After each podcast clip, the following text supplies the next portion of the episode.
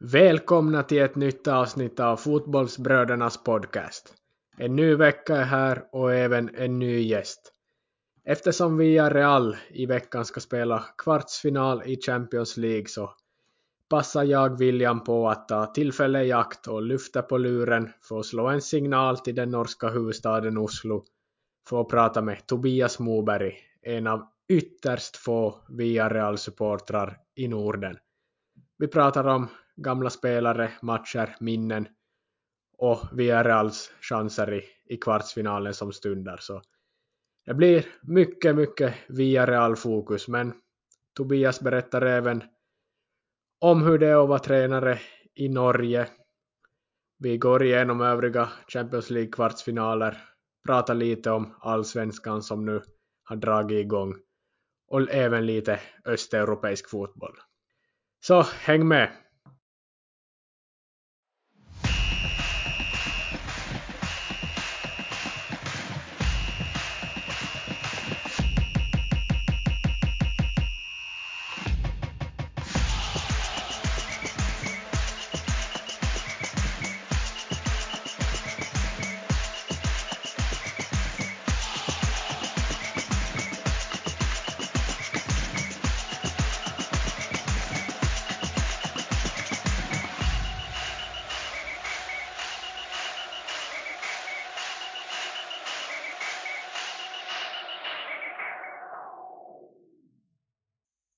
Okej, idag har vi en riktigt fotbollsintresserad person med mig här i, i podden. Benjamin är inte på plats idag men jag själv ringer upp Norge helt enkelt för att prata med Tobias Moberg.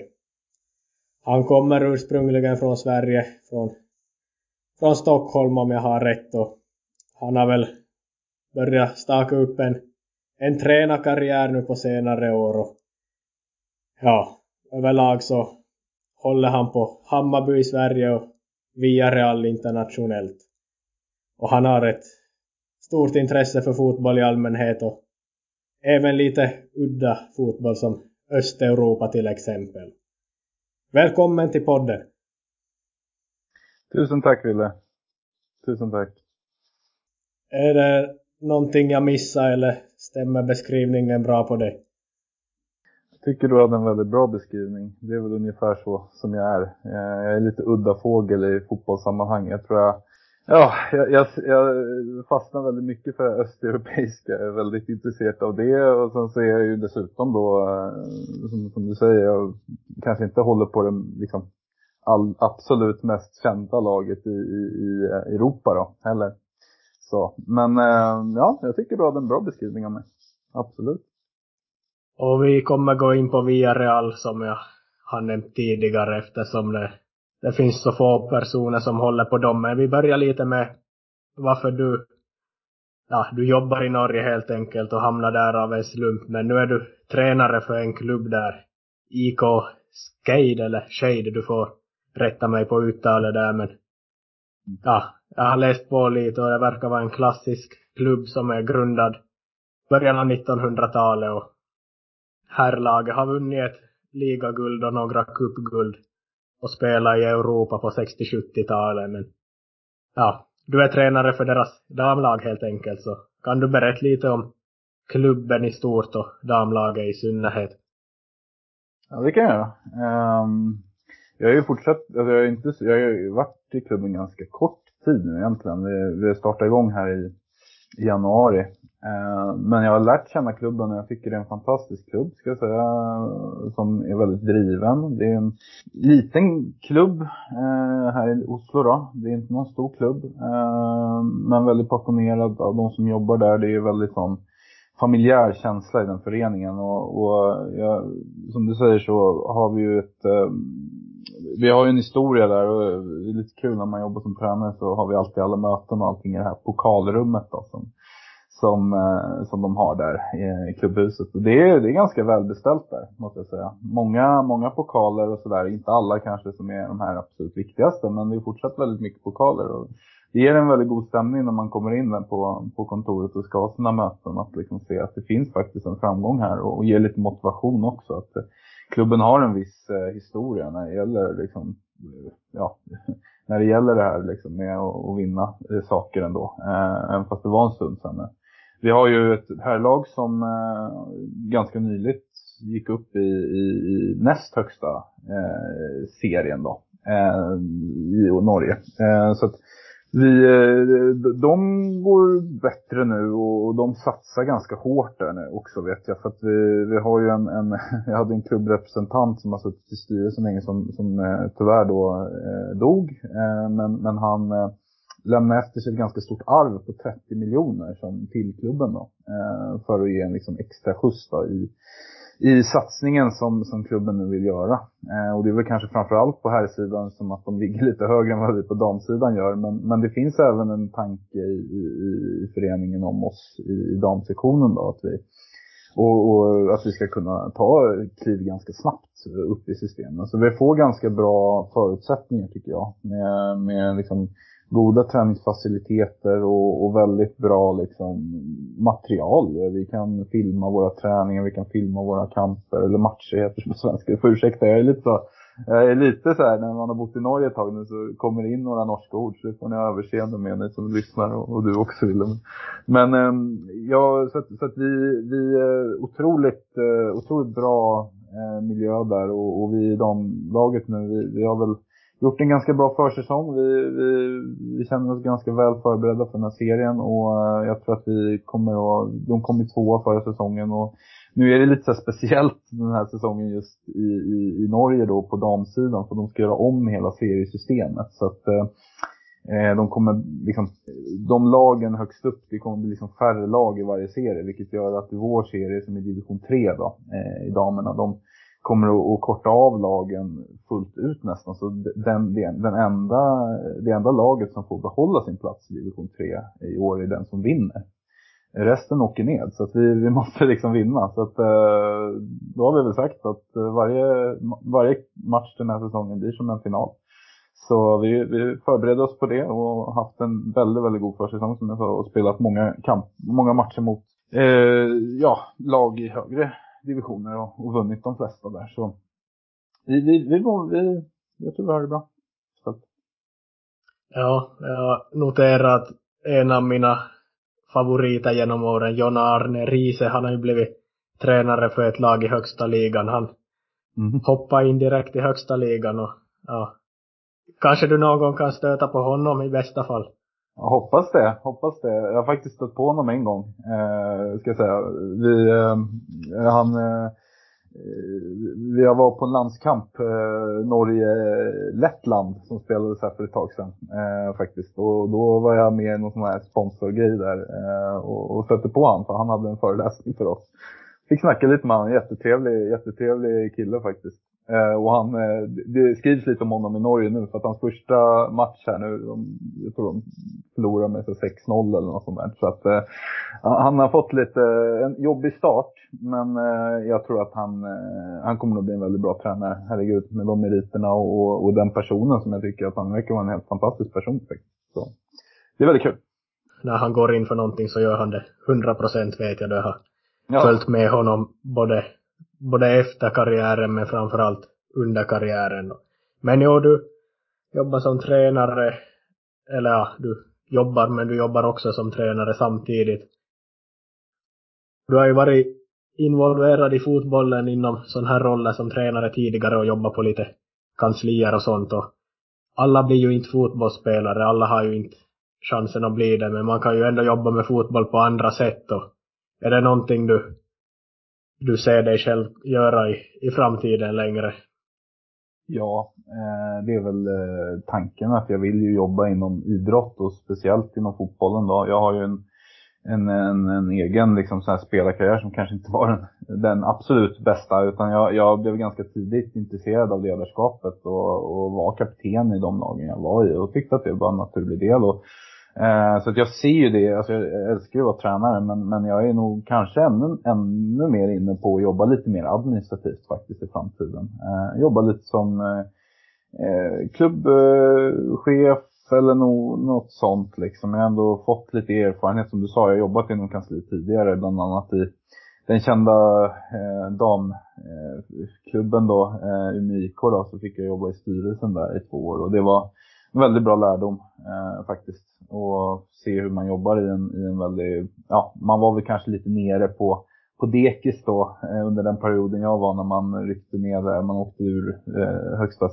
serien och allt. Men det, det gav mig väldigt mycket för att eh, då fick man verkligen jobba hårt eh, i den perioden och jag lärde mig väldigt mycket. Så jag, absolut, jag ser mig i framtiden att jag ska få jobba i, eh, i fotbollen, eh, absolut, eh, i någon form. Sen får vi se, jag har ju en socionomutbildning också som jag kan eh, använda. Eh, men jag vill helst jobba inom fotbollen, ja.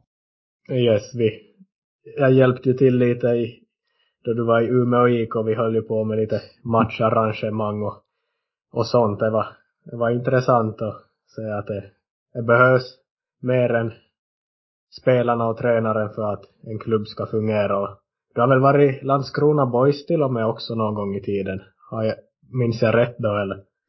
Ja, det stämmer faktiskt. Jag var i Landskrona eh, och fick jobba. De har ju en fantastisk ungdomssatsning där och de har ju tagit fram lite spelare genom åren. Bland annat bröderna Farnerud som du kanske vet. Så de har ju en, en, en, ganska eh, lång historia där. Så det var också en väldigt spännande tid. När jag, alltså när jag jobbade där så var jag samtidigt då i och, och, och gick i den här Eslövs eh, folkhögskola där det var en fotbollstränarlinje. Eh, och jag tror de fortfarande har den. Eh, och då jobbade vi varje dag egentligen med fotboll. Liksom. Eh, olika träningar och, och snacka fotboll konstant. Så men jag blev aldrig trött på det så jag märkte väl någonstans där att det här är något jag vill hålla på med eh, i mitt liv. Liksom. Så jo, men jag har varit i Landskrona Boys och, så det, var, det, var, det var en fantastisk tid. Eh. Ja, och innan vi lämnar tränaryrket så ja, är målet för dig helt enkelt att klättra i, i den världen, i tränarvärlden och ja, ta steg hela tiden. Är, är det så du ser på, på de här utmaningarna du tar dig an hela tiden?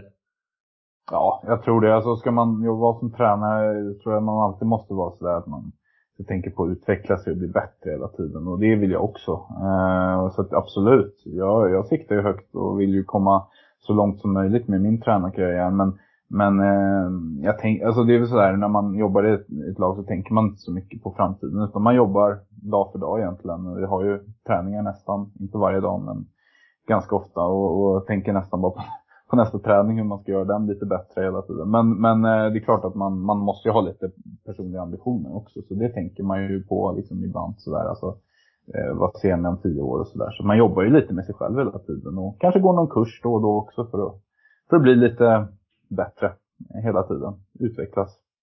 Absolut. Yes, yes. Men vi lämnar din tränarkarriär där och, och går in på det vi främst ska fokusera på, nämligen Villarreal. De har ju slagit ut Juventus här i kvarts, nej i åttondelsfinal och nu ska de spela mot Bayern München helt enkelt. De har gjort en, en stark Champions League-vår så här långt och ja, jag kan väl kort dra lite info om Villarreal till de som inte har, har lika bra koll som oss på den klubben. Och, ja, det är en, en klubb som grundades 1923.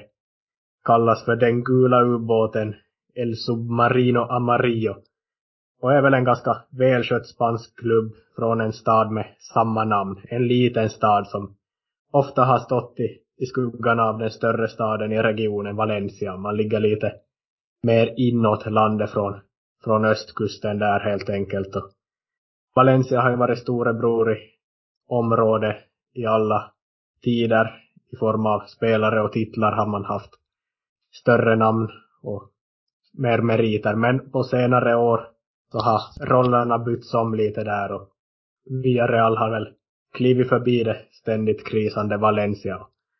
Ja, men Villarreal överlag, de är ju ändå en, ja, lite som en humla som flyger. Man ska inte, med så små resurser ska man inte kunna prestera så här bra. Och, ja, och det är väl intressant projekt och, och klubb att följa. Men det är ju inte någon många som håller på dem. Jag har aldrig träffat en enda person förutom dig och då tänkte jag bara fråga varför kommer det sig att du landade in i, i Villarreal?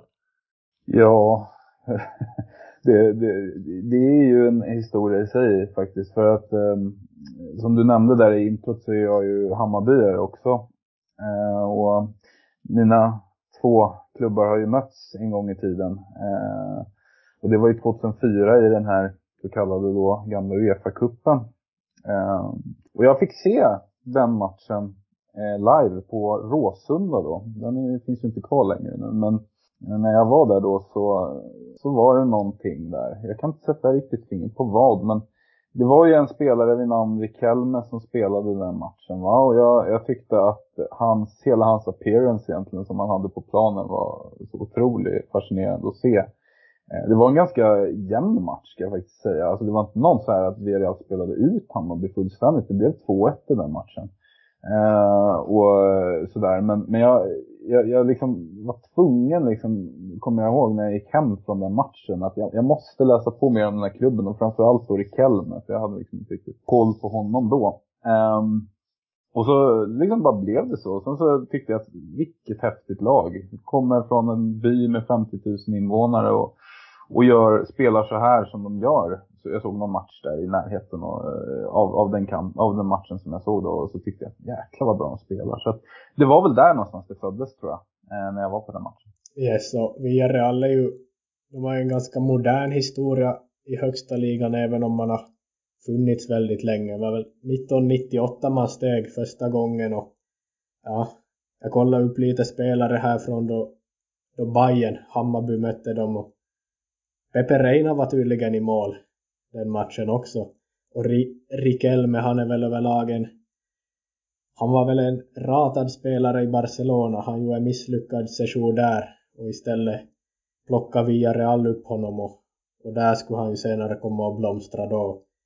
Ja, du nämnde här att de möttes i Uefa-cupen och det betyder ju att de hade tagit sig till Europaspel och väl ungefär under den här tiden som de började etablera sig mer och mer som en utmanarklubb i, i La Liga. Och, ja, om inte du har något mer att säga om den där Bayern-matchen så kan vi väl gå in på den första stora globala framgången när man gick hela vägen till Champions League-semifinal 2006. Vad minns du om det? Ja, eh, det, det är ett minne som sitter kvar där. Eh, jag minns att man var sådär, eh, ja, man var helt exalterad över det. Att de var i den situationen överhuvudtaget då.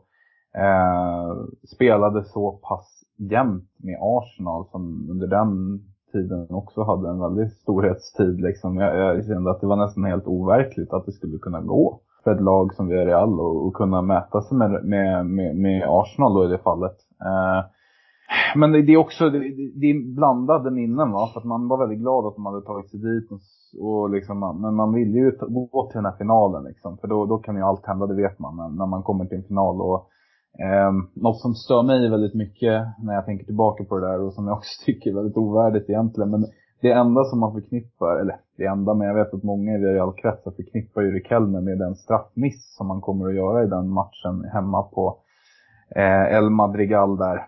Eh, och, och, det är klart att eh, det, han är inte värd det va. Han, eh, alla kan missa en straff. Jag vet ju liksom till och med en sån som Mo Salah idag som är, tycker jag är världens bästa straffskytt missar ju någon gång ibland och det gör alla. Uh, jag tyckte jäkligt synd om honom där när det skedde och, och jag, jag, kände med honom extremt mycket för jag tyckte, åh oh, gud jag tyckte att vi hade förtjänade egentligen att komma i, till den där finalen. Vilket jag tror var, finalmatchen var väl Arsenal-Barcelona det året va? Var det det? Ja. Mm. Så det, det hade känts väldigt härligt att få möta Barcelona i den finalen. För jag tror att eh, där hade nog Real kunnat ta det. Alltså. Om jag ska vara helt ärlig. Jo, man, jo, man, man plockar ju på sig under de här åren flera stora namn och man blev namnstarkare för varje år känns det som. Och riktigt stora profiler som, ja, många som man inte känt till förr, de blev stora i Villarreal och även lite spelare som inte hade lyckats i, i andra klubbar. Vi kan väl, ja, är väl Pellegrino, heter han så? Mm. Den där chilenska tränaren, det var väl han som, som egentligen fick fart på det här, det här laget när de började etablera sig och ja, Diego Forlan kan vi väl nämna som en spelare som, han var väl bara där tre säsonger men han fick ju riktigt stor fart på karriären och öst in mål. Han vann väl till och med guldskon under något år där. Han var väl en av kanske världens bästa målskytt ett tag. Men vad minns du om honom? Ja, jag minns ju som du säger, alltså en otrolig stor spelare i Reals historia. Eh, eh, vann ju som du säger, jag, jag, vet inte, jag är inte helt säker på om han vann skytteligan. Gjorde han? Ja, det gjorde han kanske. Eh, men han, han var väldigt, alltså han gjorde ju väldigt mycket mål eh, och var en sån här riktig eh, en spelare som man bara inte kunde tycka illa om. Alltså vilken person utanför banan också. Sådär. Så han var liksom en sån riktig, riktig, riktig idrottsman eh, ute i fingerspetsarna. Och Eh, jag vet liksom för att det har ju varit lite av Villareals historia liksom att plocka spelare som du var inne på som kanske inte riktigt har färgat och lyckats i, de and i andra klubbar liksom. Och jag tror att han kom väl från United där tror jag att han gjorde eh, till Villarreal. Eh, och jag vet att det var många United-fans då, eh, för jag såg det på forum och sådär när det blev klart, kommer jag ihåg att de hånade lite och sa att det där kommer ju aldrig bli något liksom. Men Villarreal har alltid haft en förmåga att kunna ta sådana spelare och göra något med dem. Och, med han så var det helt, en helt fantastisk saga egentligen. Eh, där han verkligen blommade ut under Pellegrini där som, eh, ja, som, som en fantastisk målskytt och som, som jag sa liksom, han, han var så mycket mer än bara det. Han var liksom en fanbärare för hela det, det lagbygget egentligen tillsammans med eh, några spelare till i Kelme bland annat. Så, så det, var, det var en väldigt mm, en viktig spelare och en liksom väldigt symbol tror jag för många Villarreal-fans faktiskt. Eh, just hans namn och hans liksom ansikte när man pratar om de här väldigt fina åren som var där. Jo, man slutade ju tvåa i ligan 2008. Man var väl ganska tydlig tvåa till och med och det är väl den högsta placeringen man har, har kommit någonsin i La Liga och ja, man hade ju flera riktigt fina spelare utöver de vi nämnde. Till exempel Sorin, argentinska ytterbacken och de här spelarna som var med i EM 2008 och VM 2010 i spanska guldlagen. Marcos Senna, Juan Capdevilla till exempel. Carlos Marchena kom väl lite senare dock men Santi Cazorla är väl en av de allra största också. Ja, man etablerar sig på som en riktig toppklubb där och mm, har du någonting, någon av de här spelarna du vill lyfta fram lite mer? Alla tänkte jag säga, jag vill lyfta fram dem. Men, men det är klart att det finns några sådär som har lämnat lite mer avtryck hos mig. Eh, Marco Senna tyckte jag var en fantastisk spelare. Eh, som han spelade, alltså han var liksom, känns som han var överallt på banan ofta och liksom var en riktigt bra bollfördelare, riktigt bra liksom, han var kapten. Eh, och drev på hela det här projektet länge eh, i Villarreal. Eh, han eh, eh var ju också en, eh, och idag ska jag också säga att han är ju liksom en ambassadör för Villarreal. Så det är väldigt fint att kolla på alla de här lottningarna och sånt som sker för att då sitter ju han där eh, fortsatt då och är med på, på de här stora scenerna ändå på något sätt. Och man ser honom väldigt ofta när man ser på Villarreal att han sitter på hedersläktaren och så. Det, det är en spelare som jag verkligen alltid kommer att minnas Eh, just för den, han är egentligen född i Brasilien, är en brasilianare tror jag. Och sen blev han liksom, eh, ja, han fick spanskt medborgarskap och, och blev spanjor helt plötsligt. Så, och han, nej men som, han är ju en väldigt, tycker jag, spansk spelare på det sättet. Han otrolig otroligt bollskicklig och otroligt bra på att driva tempo i matcher och sånt. Så att han var ju helt fundamental. Santi Cazorla också eh, är väl en av de som jag, han är ju ganska nutida också så att han la ju, han eh, var ju i Villarreal alltså för inte så länge sedan eh, på en andra session och det var ju otroligt fint eh, att han kunde återförenas där och, och, med allt som han har varit igenom med skador och, och eländen som har varit med han att han fick göra några fantastiska säsonger innan han till slut tror jag gick till om det var Saudiarabien eller vad det nu var för något han gick till efter det. Um, så att, eh, och han, men, men oavsett så, han, han är ju liksom också en sån där som man hade önskat vara med när vi nu sist nu här förra säsongen vann Europa League. Det hade varit så fint. Nu var ju han ändå inne på planen för han var där och han, alla spelare lyfte upp honom liksom. För att han hade jag verkligen unnat få vinna den tillsammans med, med eh, ja, eh, de andra eh, nu, mer nutida spelare som jag också är väldigt fan av då, som är i Real idag. Mm. Nihat Kaveci, han var väl också en spelare som hade en kort brintid men en säsong gjorde han riktigt många mål. Det var väl då ni slutade tvåa i ligan. Vad minns du av honom? Ja, det är också en, en sån där spelare som man aldrig, kom, äh, aldrig kommer glömma. Uh, nej men uh, som du säger, han var ju också bidragande till den säsongen där vi faktiskt kom två före ett lag som Barcelona med alla de spelarna de hade så det trodde man inte var möjligt heller. Det var ju liksom som att man fick knipa sig själv i armen. Men han var ju absolut bidragande till det. Och uh, också en otrolig allround-spelare tycker jag. Han var inte bara bra i boxen utan jag tycker han var bra i många andra sekvenser också. Fantastisk fot eh, hade han. Eh, och sån här, ja men riktig, riktig också. För jag tycker liksom Villarreal, det som kännetecknade det laget som tog en andra plats det var ju att den här gruppen var helt fantastisk. Alltså. Och han var ju också en sån här spelare som jag tror verkligen uppskattades av fansen och av spelarna som han spelar med för att han var sån jäkla energidrivare, positiv eh, karaktär liksom som man verkligen inte kunde tycka illa om. Han, han, eh, och han gjorde ju sina mål också. Eh, så att eh, otroligt het i boxen eh, när han fick lägena. Så att eh, han var ju fundamental också. Ja, jag minns ju hans mål i EM 2008. Det är väl mot mot Tjeckien han drar till en projektil i, i krysset. Och det. Men jo, via Real, de gjorde bra där flera år, men 2011-12 är vi framme i nu och då spelar man återigen på dubbla fronter i Champions League och ligan och, och den här säsongen gick det riktigt dåligt för då åkte man ur för andra gången i historien och tvingades börja om i andra ligan. Vad har du för minnen av det och varför gick det så dåligt? Ja, det är en bra fråga. Eh, jag har nästan förträngt den där säsongen för jag tyckte det var helt galet att man spelar Champions League och så åker man ur eh, La Liga. Det vet jag inte hur många gånger det har hänt. Eh, om det ens, ens har skett faktiskt. Men jo, Villarreal är ett sånt lag som tydligen kan lyckas med något sånt. Uh, nej men uh, den säsongen, jag, jag, minns ju liksom att, och det, jag, jag kommer ihåg liksom den här frustrationen man hade för man såg liksom på kamp på match efter match så, så såg man att Villarreal var, över, var bättre liksom. Men den där spetsen saknades längst fram. Jag tror liksom vi vann nästan alla bollinnehavskampen mot laget. Men det gör ju inte så mycket när man inte ska gör mål på, på de eh, lägena man har. Jag tycker för sig inte att man omsatte så mycket. Jag tror, jag, jag kommer ihåg att jag kollade en sån här XP där, att det var ganska lågt eh, expected goals liksom på, per match eh, i den säsongen ändå för Villarreal. Eh, på många matcher i alla fall. Eh, man hade bollen av och hade initiativ men man kom liksom inte riktigt rätt.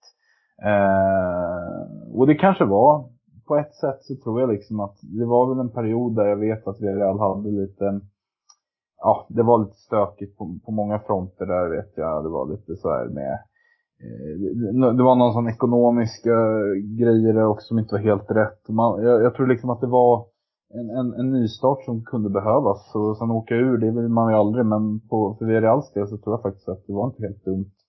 Eh, man, man fick in en, eh, ja nu går jag fram till nästa säsong då, men man, man fick in en hungrig tränare som, som, jag, eh, som jag fortfarande beundrar ganska mycket. Som heter Marcelino Garcia då, som eh, tränar idag i Atletico Bilbao.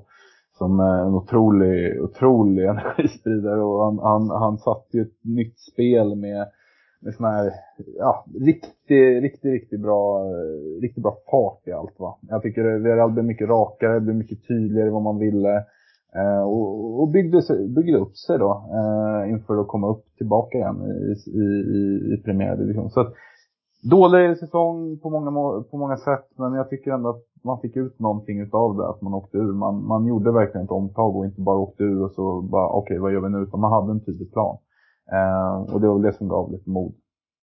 Jo, Marcelinho är en riktig profil i sig, men när ni var i, nere i Segunda Division, alltså an, andra ligan, då var du väl själv och, du bodde i Spanien på den här tiden om jag minns rätt, och då var du väl och kollade på någon, någon match och visst var det så att Olof Mellberg till och med tillhörde via Reals trupp det här året?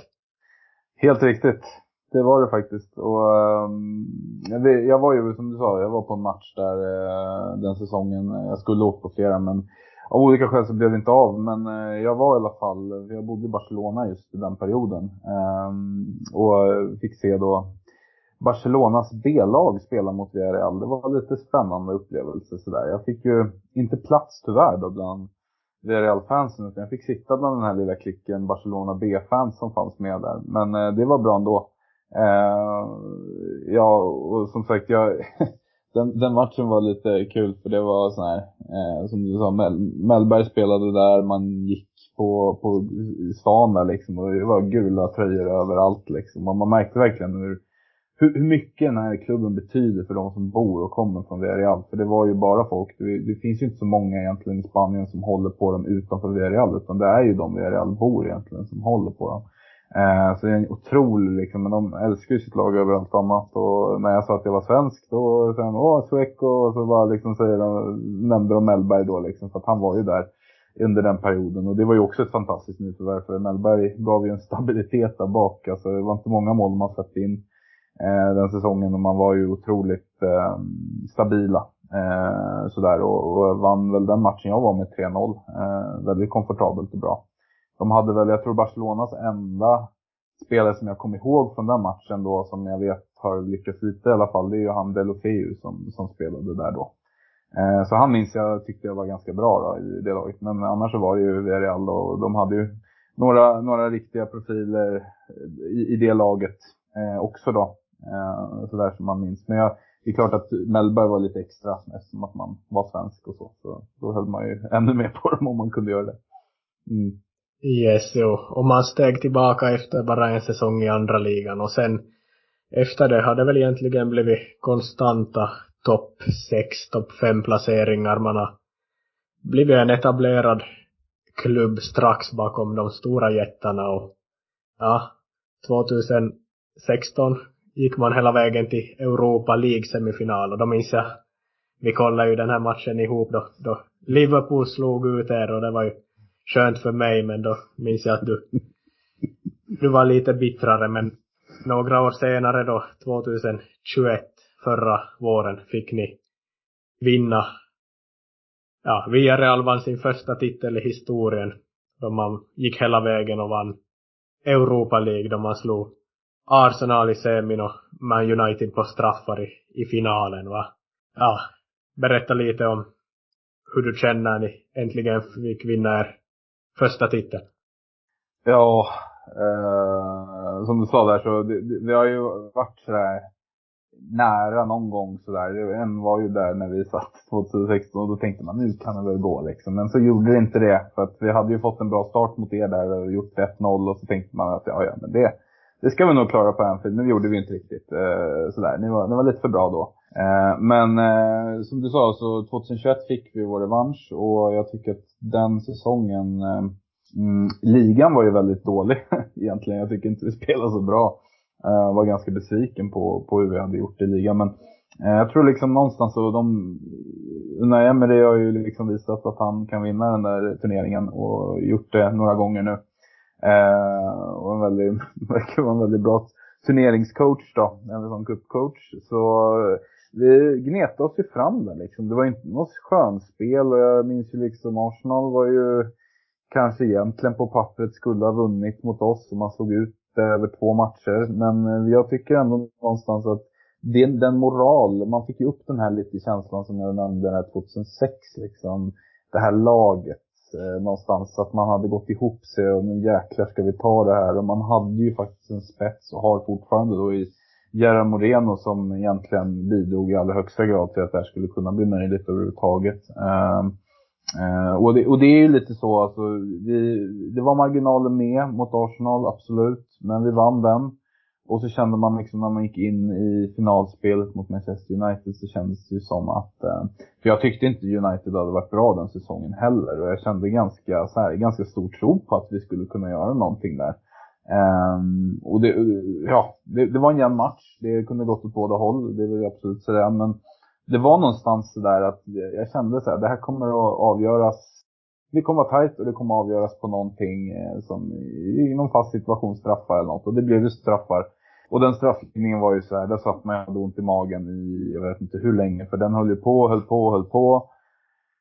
Och så gick hjälten då i mina ögon, David De Gea fram och, och, och sparkade bollen, eh, ja, i, inte i mål. Och då blev man så här, yes, för då skulle, då, då, kände jag liksom att det här, det bara släppte liksom när, när det skedde, för då visste jag, nu, nu är det klart liksom. Och eh, ja, det är ju, jag tänkte ju väldigt länge att det här är ju vår chans liksom. Jag vet inte när den här chansen kommer komma igen, att vi kommer vara i en sån här situation.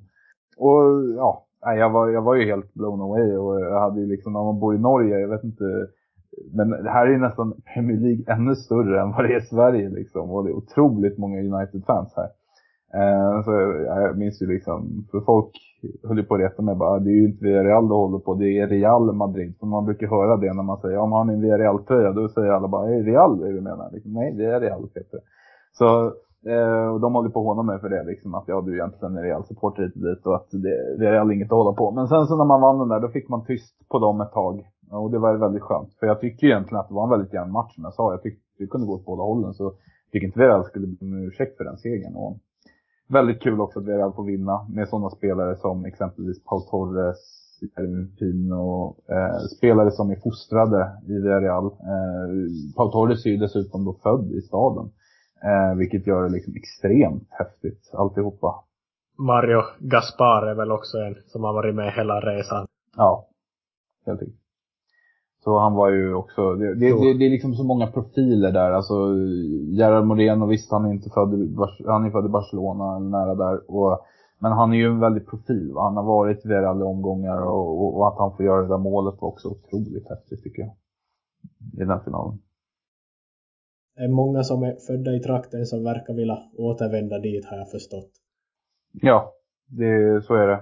Och äh, det är ju en väldigt äh, väldigt kul. Och Villarreal har ju varit väldigt kända för sin ungdomsverksamhet och att man har eh, bedrivit en väldigt bra sån väldigt länge. Och man, har ju, man är ju en, en utpräglad utvecklingsklubb, eh, skulle jag säga, i, näringskedjan. näringskedjan. Sådär. Man, man utvecklar spelare som kanske inte lyckas i andra klubbar, men man är också väldigt bra på att eh, förädla de talanger. Och man kanske inte alltid liksom har bara spelare som är i regionen som, som är liksom de spelare som man hämtar ju från andra spanska klubbar och låter dem komma in i akademin och så. Men som Jeremy Pino, han är ju från Kanarieöarna från början faktiskt, från eh, Las Palmas. Men eh, kom till eh, Villarreals ungdomssatsning och blommade ut där.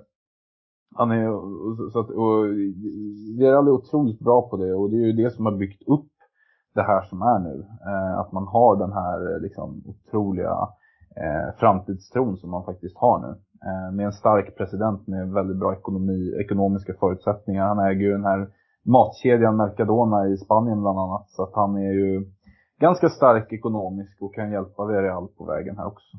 Jo, absolut. Och ja, i dagsläge så är man ju framme då i, i kvartsfinal i Champions League och vi hoppar väl direkt in i, i det.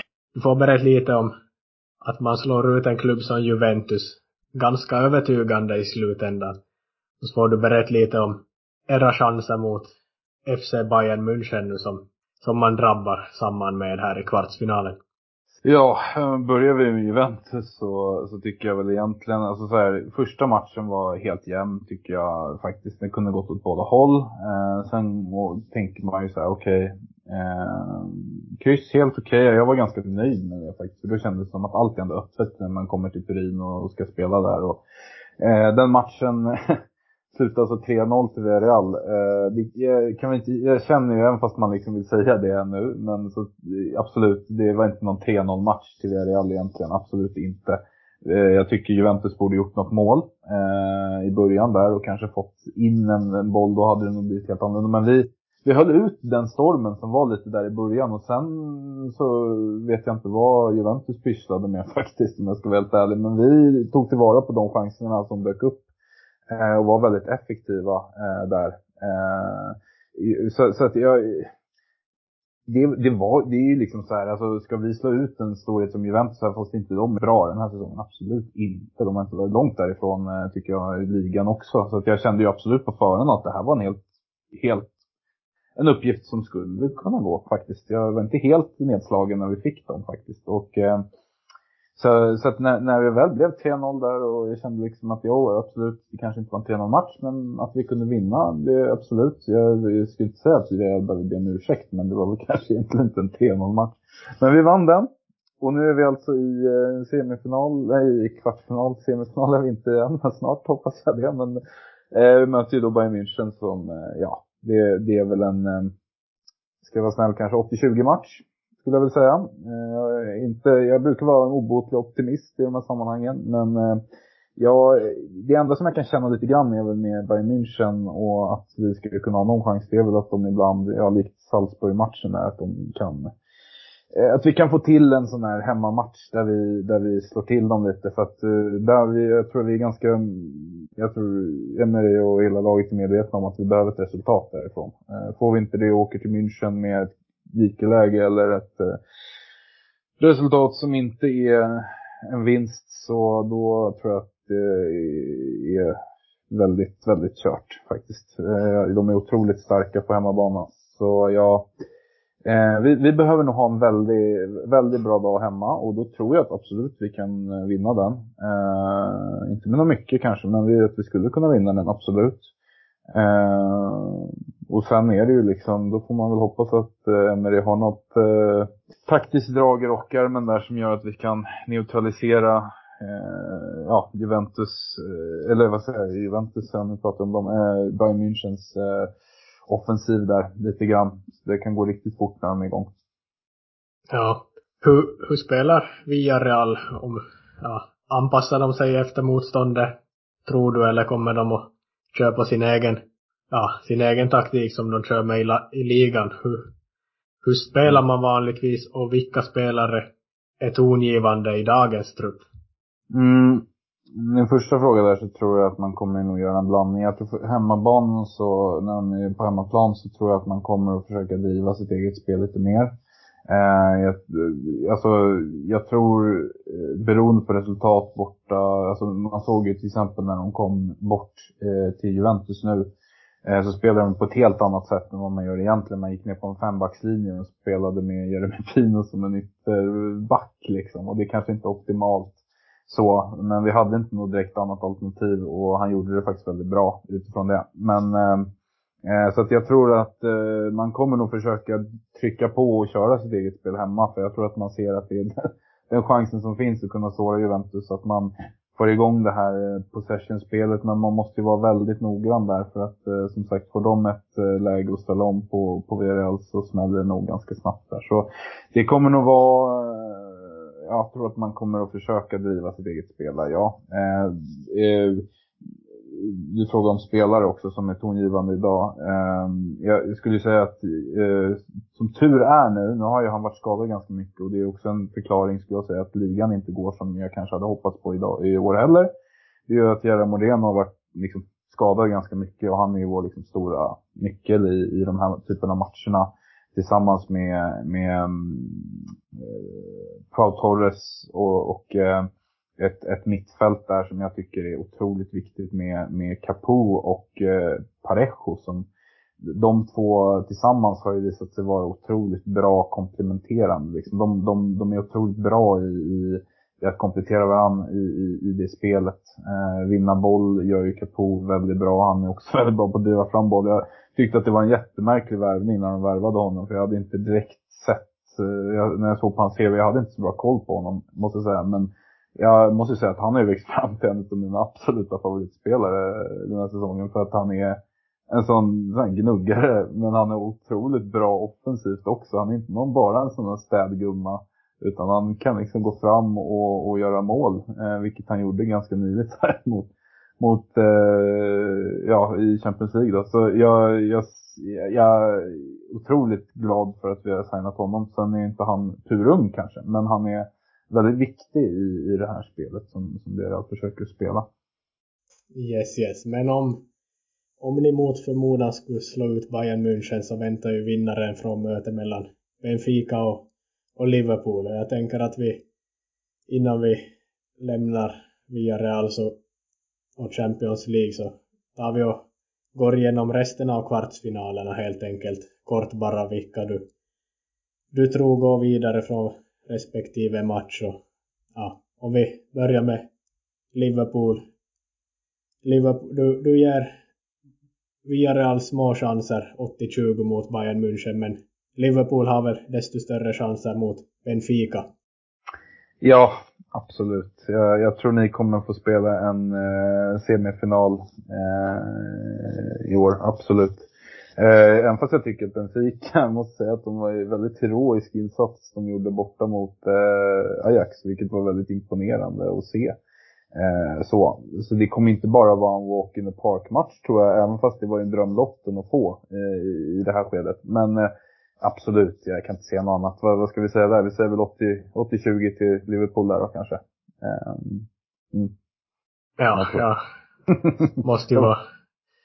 Man vågar inte ta ut någonting i förskott, men jo, Benfica var en, en lott jag var nöjd med och vi får väl hoppas att vi får mötas i en semifinal då mellan Liverpool och Villarreal om, om alla, alla stjärntecken står rätt på himlen. Men Chelsea mot Real Madrid, Atletico Madrid mot Manchester City, vad tror du om de två matcherna? De möts ju sen vinnaren från respektive i, i den andra semifinalen. Ja, um, ja, eh, vi börjar med mm, Chelsea mot Real Madrid så mm, det är ju det, det, är nog den lurigaste matchen tycker jag på förhand faktiskt utav de här. Även fast jag tycker att den andra matchen som du också nämner är eh, då tänker ju alla att City ska ta den, absolut. Men eh, Atletico är, de är luriga. Eh, så, eh, men, men om vi tar så här, jag skulle säga att eh, eftersom mm, Real Madrid har på senare tid tycker jag tappat extremt mycket. Jag tycker inte att de har fått till det som, som, som jag, jag brukar se eh, Real Madrid. Även fast de har nu varit av med Benzema ett tag och, och kanske inte riktigt eh, kunnat omsätta sitt spel alla gånger. Men jag tycker, såg ju den här matchen mot Barcelona som nu är på nytt fött, vilket jag tycker är ganska kul ändå. Um, men jag ser, alltså, jag, jag vet inte, jag, jag, tycker någonstans att jag ser inte riktigt eh, någon tydlighet i Real Madrid nu för tiden. Jag tycker det är för mycket upp och ner och för mycket dalar där. Jag tycker Chelsea är ganska stabila mm, ändå. Eh, det har ju varit lite kaos där nu med han Roman Abramovic och allt det här och vad som sker i kulisserna. Men jag vet inte hur mycket det påverkar spelarna ändå, för de får ju sin lön fortsatt vad jag förstår och allting och, och så. Sen är det mycket snack, men jag tycker ändå att Tuchel är ganska bra på att styra ut det där lite grann eh, från gruppen och försöka mer då prata fotboll när han kan. Eh, men med det sagt så, jag tycker Real Madrid alltid i sådana här sammanhang, jag har väldigt svårt att betta emot dem faktiskt. Så jag, jag måste nästan säga där, även fast jag nu kanske resonerade i ett annat håll så säger jag att det som Real också har hemmaplan i sista matchen. Och jag tror första matchen kommer vara väldigt tight och jämn. Jag tror det kommer bli så här, kanske 1-0 Chelsea, 1-1. Eh, så tror jag att Real, för då tror jag att Benzema är tillbaka dessutom, så tror jag nog att Real ändå tar den. Så jag säger 60-40 då, eh, fördel Real skulle jag säga där. City Atletico Madrid. Mm, Eh, jag tycker ju, det blir en väldigt intressant coachkamp där också. Jag tycker det är väldigt spännande med två väldigt ideologiskt olika tränare som står på varsin sida där. Med Simeone som jag beundrar väldigt mycket för hans liksom engagemang, karisma, otrolig energi och liksom allting. Och så har du lite mer Guardiola som är den här professorn i, i fotbollssammanhangen numera som liksom är föregångare till väldigt mycket av det vi ser. Men ja, jag måste nog säga att eh, det, jag kan inte se något än City tar det, absolut inte. Eh, visst att Atletico har väl hemmaplansfördel eh, i slutet om jag inte missminner mig. Men jag tror inte att, eh, nej, eh, City tar den, jag säger 70-30 där. Och jag skulle ändå kunna se att eh, Atletico kan störa dem Eh, i, ja, jag, jag, kan säga att de stör dem och att det kommer bli tight, men jag, jag kan inte bättre emot eh, City, inte med det spelet de har visat upp och med den bredden de har. Vilket jag inte tycker Atletico har heller. Den, de är mycket mer känsliga för skador och annat. Men eh, ja, det blir en väldigt spännande batalj och jag tror att det kommer bli en tuff kamp där, en tuff match. Mellan två väldigt jag tycker att Atletico har börjat hitta sig själva igen från en säsong där det har varit ganska rörigt eh, faktiskt. De har inte fått till eh, sina nyförvärv har inte kommit in i det spelsättet som Simeone. Han har ju gått över från ett 4-4-2 till ett mer 3-5-2 där jag tycker kanske att de har varit ganska felbalanserade många gånger och inte riktigt fått ut maximalt framförallt av ja, de längst fram där då. Eh, man väntar ju på Grisman att han ska komma in i det som man gjorde förr i tiden där eh, exempelvis. Men eh, jag, som jag, jag, sa, jag sa det liksom, jag tror det är 70-30 till, eh, eh, till City. Jag, jag, kan inte se att City tappar den med den bredden de har och de är inte alls lika liksom, sensitiva för skador och annat som, som Atletico är. Jag tycker inte de har samma bredd och jag tycker också att eh, ja, Guardiola och hans lag kan spela på så många olika sätt.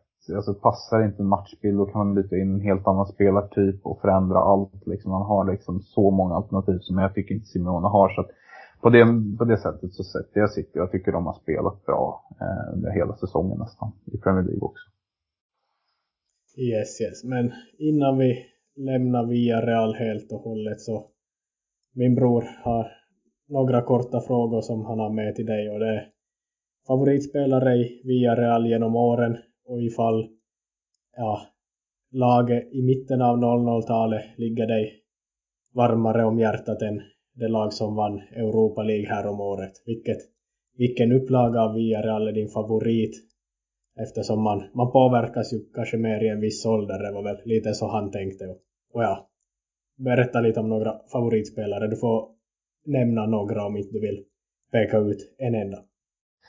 Ja, Ja, men nämna ut en är så svårt. Alltså. Men eh, jag tycker ju, som jag var inne på förut, eh, Cazorla har ju blivit en sån spelare som jag tycker är så fascinerande på så många olika sätt. Eh, på, den, på det sättet som han verkligen tagit till sig klubben och att han eh, har gått igenom allt han har gått igenom och är en sån otrolig spelare och han var det i Real hela tiden, tycker jag. Han har aldrig gjort en dålig säsong helt och fullt, utan då har det varit skador som har satt stopp. Men han har alltid varit en otrolig spelare, så det är ju en av dem. Sen så, jag, jag tar ju till mig kanske lag, alltså det är klart att jag tog till mig på den tiden det begav sig 2006 och allt det där. Men, men det är fortsatt så att då var jag ganska ung fortfarande och jag kanske inte hade samma detaljkunskap. Så det är väl de spelarna som spelar lite mer nu i nutida som jag kanske tagit till mig mer av. Även fast jag tror att Kelma har ju liksom ja, det är ju det är en spelare som också alltid kommer vara väldigt nära mig och som jag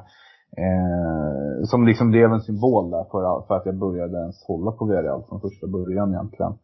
Eh, men okej, okay, han, Riquelme, Cazorla eh, och så, ja, Bruno har vi inte ens nämnt här, men alltså Bruno Soriano är ju en spelare som jag också, det är ju också en legend liksom, som, som har spelat väldigt länge. Kanske inte gör så mycket utav sig liksom, utan är en ganska sån här, jobbar mycket i det tysta och är en, är, men är en otrolig fanbärare och, och, och, har gjort så mycket för den här klubben och, och stannat kvar i jobbiga perioder och inte tänkt så mycket på pengarna utan velat vara för det och gjort det väldigt bra i landslaget också. Fått spela många, många landskamper och gjort det bra där. Så att de spelarna plus Gerard Maria och Pau Torres, nu har du fått många här men, men det är väl de då.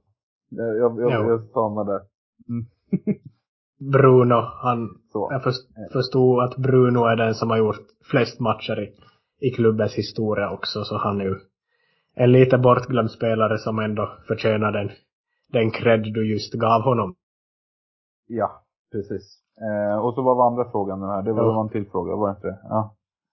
Ja, favoritupplaga av laget. Ja, eh, ja men herregud, jag kan, inte, jag kan faktiskt inte säga något annat än, för det ligger så varmt nu, det laget som vann Europa League. För det är någonting speciellt och det kommer alltid vara speciellt att ha den, den titeln där. Eh, det är ju liksom en, en turnering som vi faktiskt kan ha chans på att vinna. Egentligen så Champions League, jag vinner de det i år, ja då blir väl det min favoritupplaga den här säsongen. Men, men Europa League, herregud, alltså den upplagan kommer jag ju liksom, jag har redan hängt upp en bild uh, här som jag har så uh, på den och jag har på mobilen faktiskt också när de firar, firar den, den triumfen där va. Så att det är liksom, den är, den är väldigt stark hos mig så att jag får väl säga den. Eftersom vi ändå pratar om Villarreal så måste vi göra en finsk koppling eftersom den här podden utgår från Finland. Det är ju nämligen så att man ofta på Villareals matcher ser en banderoll och en finsk flagga. Villareal fanklubb Finland står det och det här har, har vi funderat över under årens gång och jag kollar faktiskt upp det och det verkar vara så att det är några finska supportrar som bor här i Finland som åker ner så ofta de kan och, och kollar på laget. Jag trodde tidigare att det var någon som bodde i Spanien som året om som var och, och kollade på men ja, man har alltid noterat en finsk flagga där. Det har väl du också gjort antar jag? Ja, och jag har också undrat mycket över det, för det är ändå lite coolt. Men, men ja, då fick jag veta det, för jag har också, jag har också undrat lite över den faktiskt. Nu har jag inte sett den på ett tag faktiskt. Eh, det kan ju vara att de filmar en annan vinkel eller något, att de sitter på något annat ställe. Jag har inte sett den nu på några, några matcher, men jag vet ju att de finns. Eh, att den har funnits där, eh, den säsongen faktiskt. Mm. Jo. Det var spännande. Ja, och det var ju några finländare som håller på dem, men i Sverige, har du någon gång träffat någon eller är du den enda som håller på, på Villarreal? Mm. Det, det, jag vet inte om jag sa det till dig, men eh, som vi, vi båda har studerat i Umeå eh, och det var ju där vi träffades och så eh, var det faktiskt en som bodde i min studentkorridor som hade på sig Real-tröja. Eh, så att jo, det fanns en och det fanns en i Umeå till och med. Eh, men vi var, vi, kom underfund med det, för jag är med i en sån här eh, svensk eh, Villarreal-fan på Facebook då. Och vi är väl, vad är vi nu, 12 stycken kanske? Något sånt, tror jag. 10 kanske. Sådär, men sen, eh, och så har vi faktiskt en sida jag, jag, på Svenska fans också.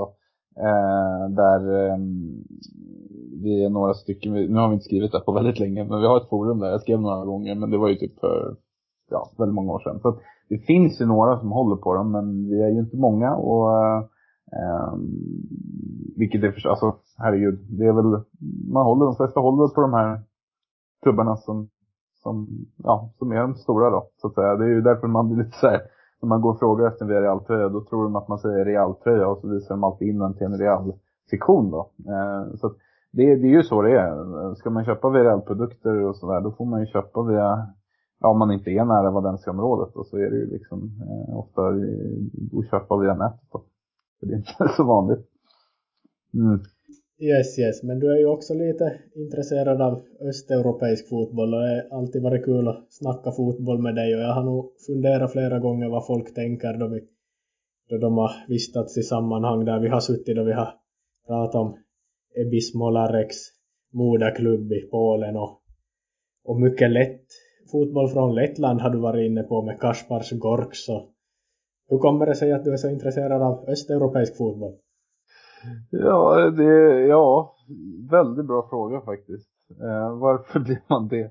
Nej, men eh, man, man har väl tagit till sig någon spelare därifrån sådär. Alltså, den första spelaren som jag fick börja tycka om och sådär, det, det var ju Lukas Podolski faktiskt. Eh, eller en av de första var det, men eh, som var där. Och så han, han är ju faktiskt polack från början. Eh, han har polska föräldrar, född i Polen. Eh, men eh, började spela för Tyskland. För att han bodde där sen i sin barndom och sådär. Men jag började liksom intressera mig för liksom polsk fotboll tror jag. För att jag var på resor där några gånger som barn. Och tyckte väl att det var ett väldigt härligt land. Och så när man är fotbollsintresserad och sådär. Så du vet, fick man någon tröja från Lechia Gdansk då.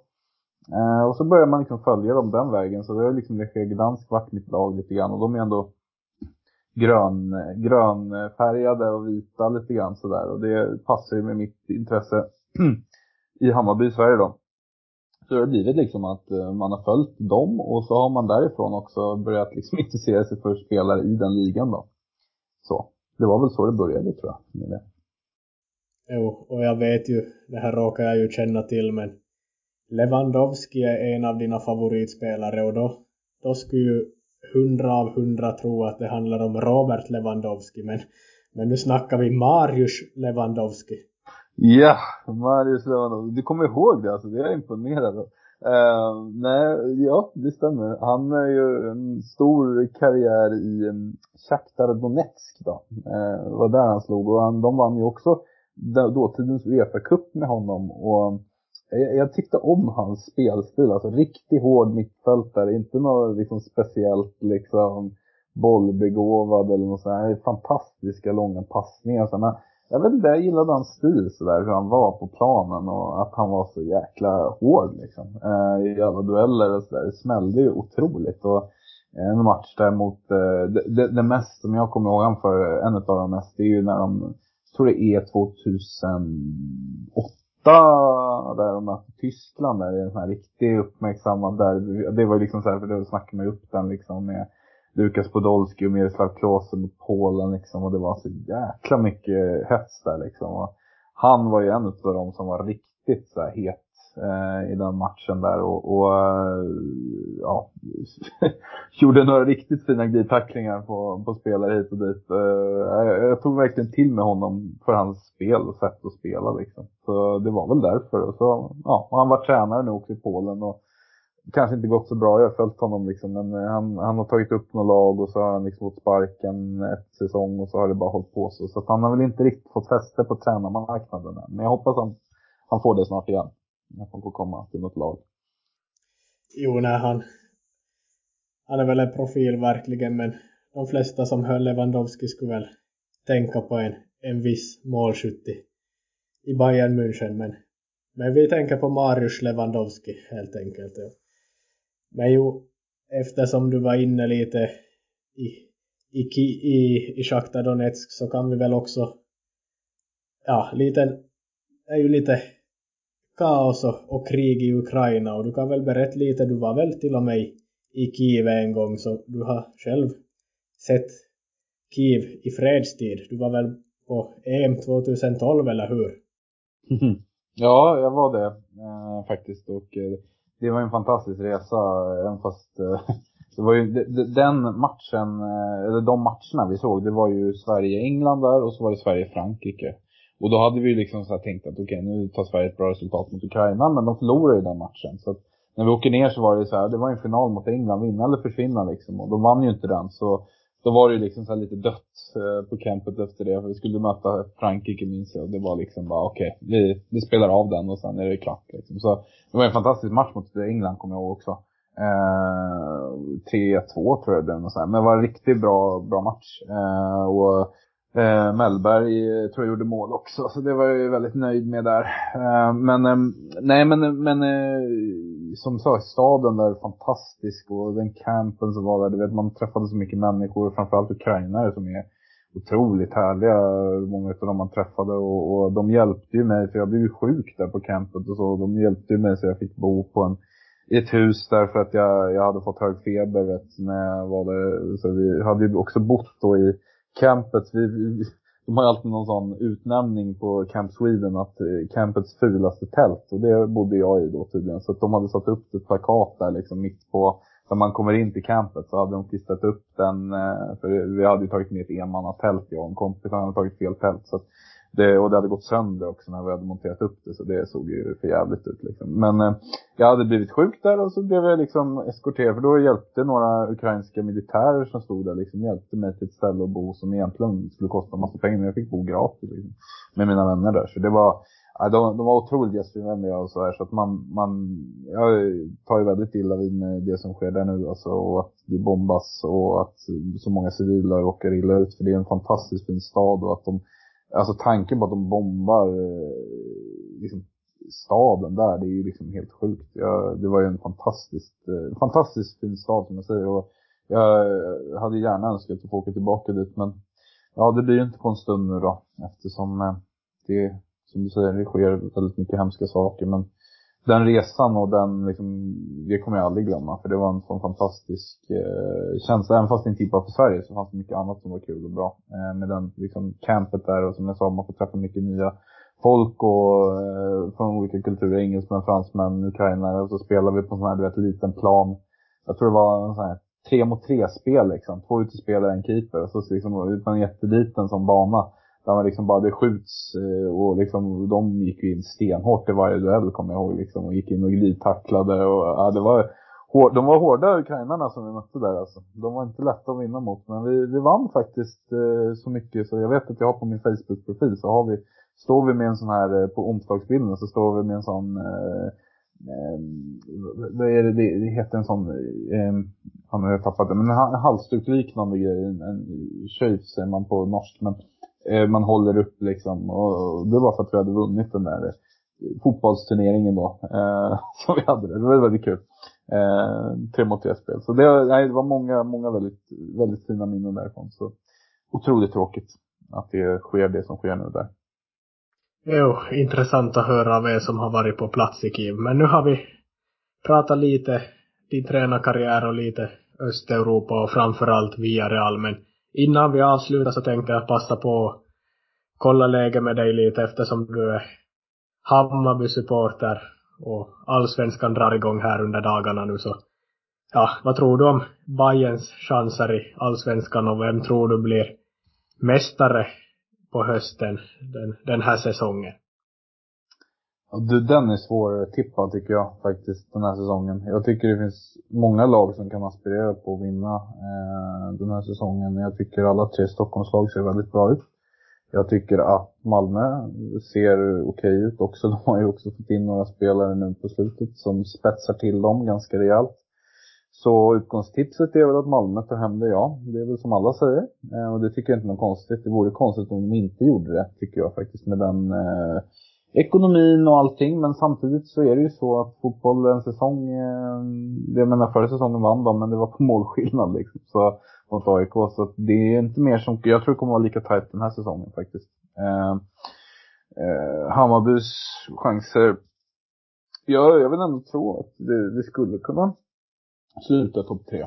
Eh, om allt, om, om vår nya spanjor där får, får chansen att sätta någonting här. Så att, eh, jag har en ganska god känsla faktiskt. Eh, nu har det sett ganska bra ut här med kuppspelet och att vi har eh, faktiskt gjort två ganska stabila prestationer tycker jag mot bra lag. Eh, både mot Norrköping och mot Elfsborg. Det är inga dåliga lag när man har tagit sig till en cupfinal i år igen då.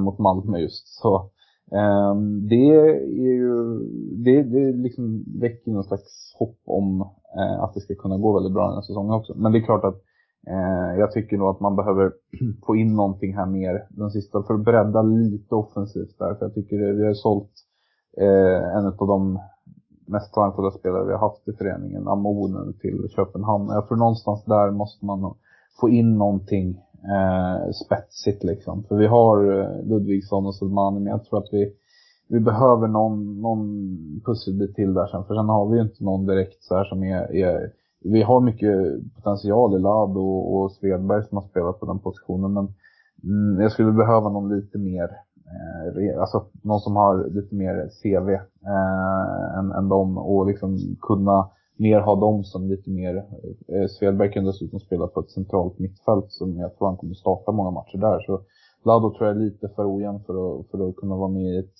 eventuellt guldlag då. Jag tror man behöver ha någon som har lite mer record där. Så jag tror att där måste man lägga in lite resurs.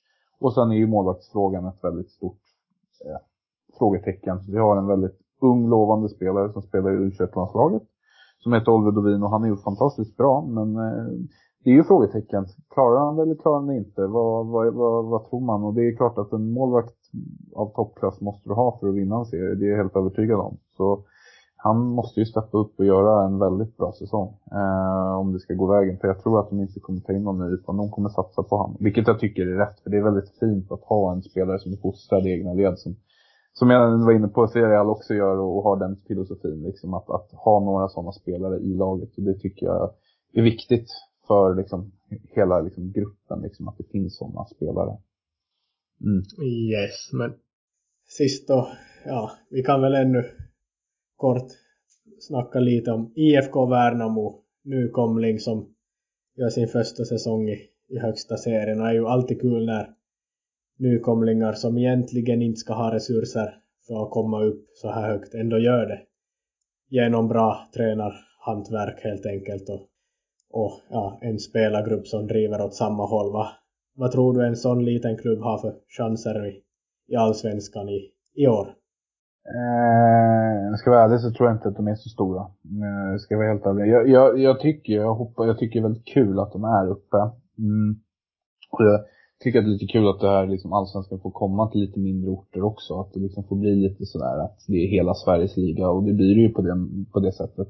Men jag tror kanske inte att de kommer hålla sig kvar, det tror jag inte. Men jag tror att eh, de kommer att försöka bedriva en fotboll som är inte bara det här vanliga liksom brunkarstilen utan de har ju en Jonas Tern där och han är ju ganska känd för att dels utveckla spelare men han står ju för en ganska positiv fotboll själv då. Så jag hoppas att de försöker och, och det är det de får göra liksom. De har inte det stora kapitalet och de har inte liksom allt det här som de här stora klubbarna har med faciliteter och sådär. Men de, jag, jag, tycker någonstans att de ändå någon har eh, de skulle kunna knipa, jag kan sträcka mig så långt att de skulle kanske kunna knipa en kvalplats om de gör en riktigt bra säsong.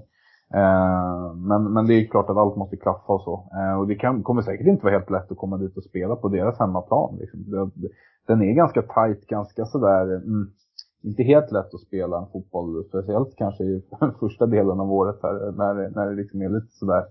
Så, så det kommer säkert inte vara en helt lätt uppgift för alla att komma dit, likt Varberg för exempel, som är lite samma där tror jag. Eh, men jag tror ändå att Värnamo kommer nog försöka bjuda på en, en fotboll som är lite mer eh, spelande än vad exempelvis Varberg gör. De, de, de är ju lite mer ett sånt traditionellt brunkargäng då. Ehm, så väldigt kul och jag hoppas lite grann ändå att man håller en tumme för att det ska kunna gå vägen för ett sånt litet lag. Det är lite kul faktiskt tycker jag. Så, ja. Yes, men ja, vi får väl egentligen ta och avsluta här och stort tack för att du har diskuterat fotboll här under lite över en timme och du är väldigt välkommen att träna några finska lag i framtiden. Här behövs det många duktiga och bra tränare. Du, det tackar jag för. Jag, jag, jag hör av mig i så fall och så, så eh, kanske vi kan eh, träna ihop någon dag. Vad säger du om det? Ska det vara något eller? ja, no, du, du får sköta träna, träna sysslorna då så assisterar jag dig i så fall. Ja, det låter bra Wille. Vi har ju jobbat innan som du sa där med, men det var ju lite mer med evenemangsbiten då. Men vi, eh, det är inte helt omöjligt. Finland är ett väldigt fint land så varför inte? Vi får höra som det. yes. Tack ska du ha. Tusen tack.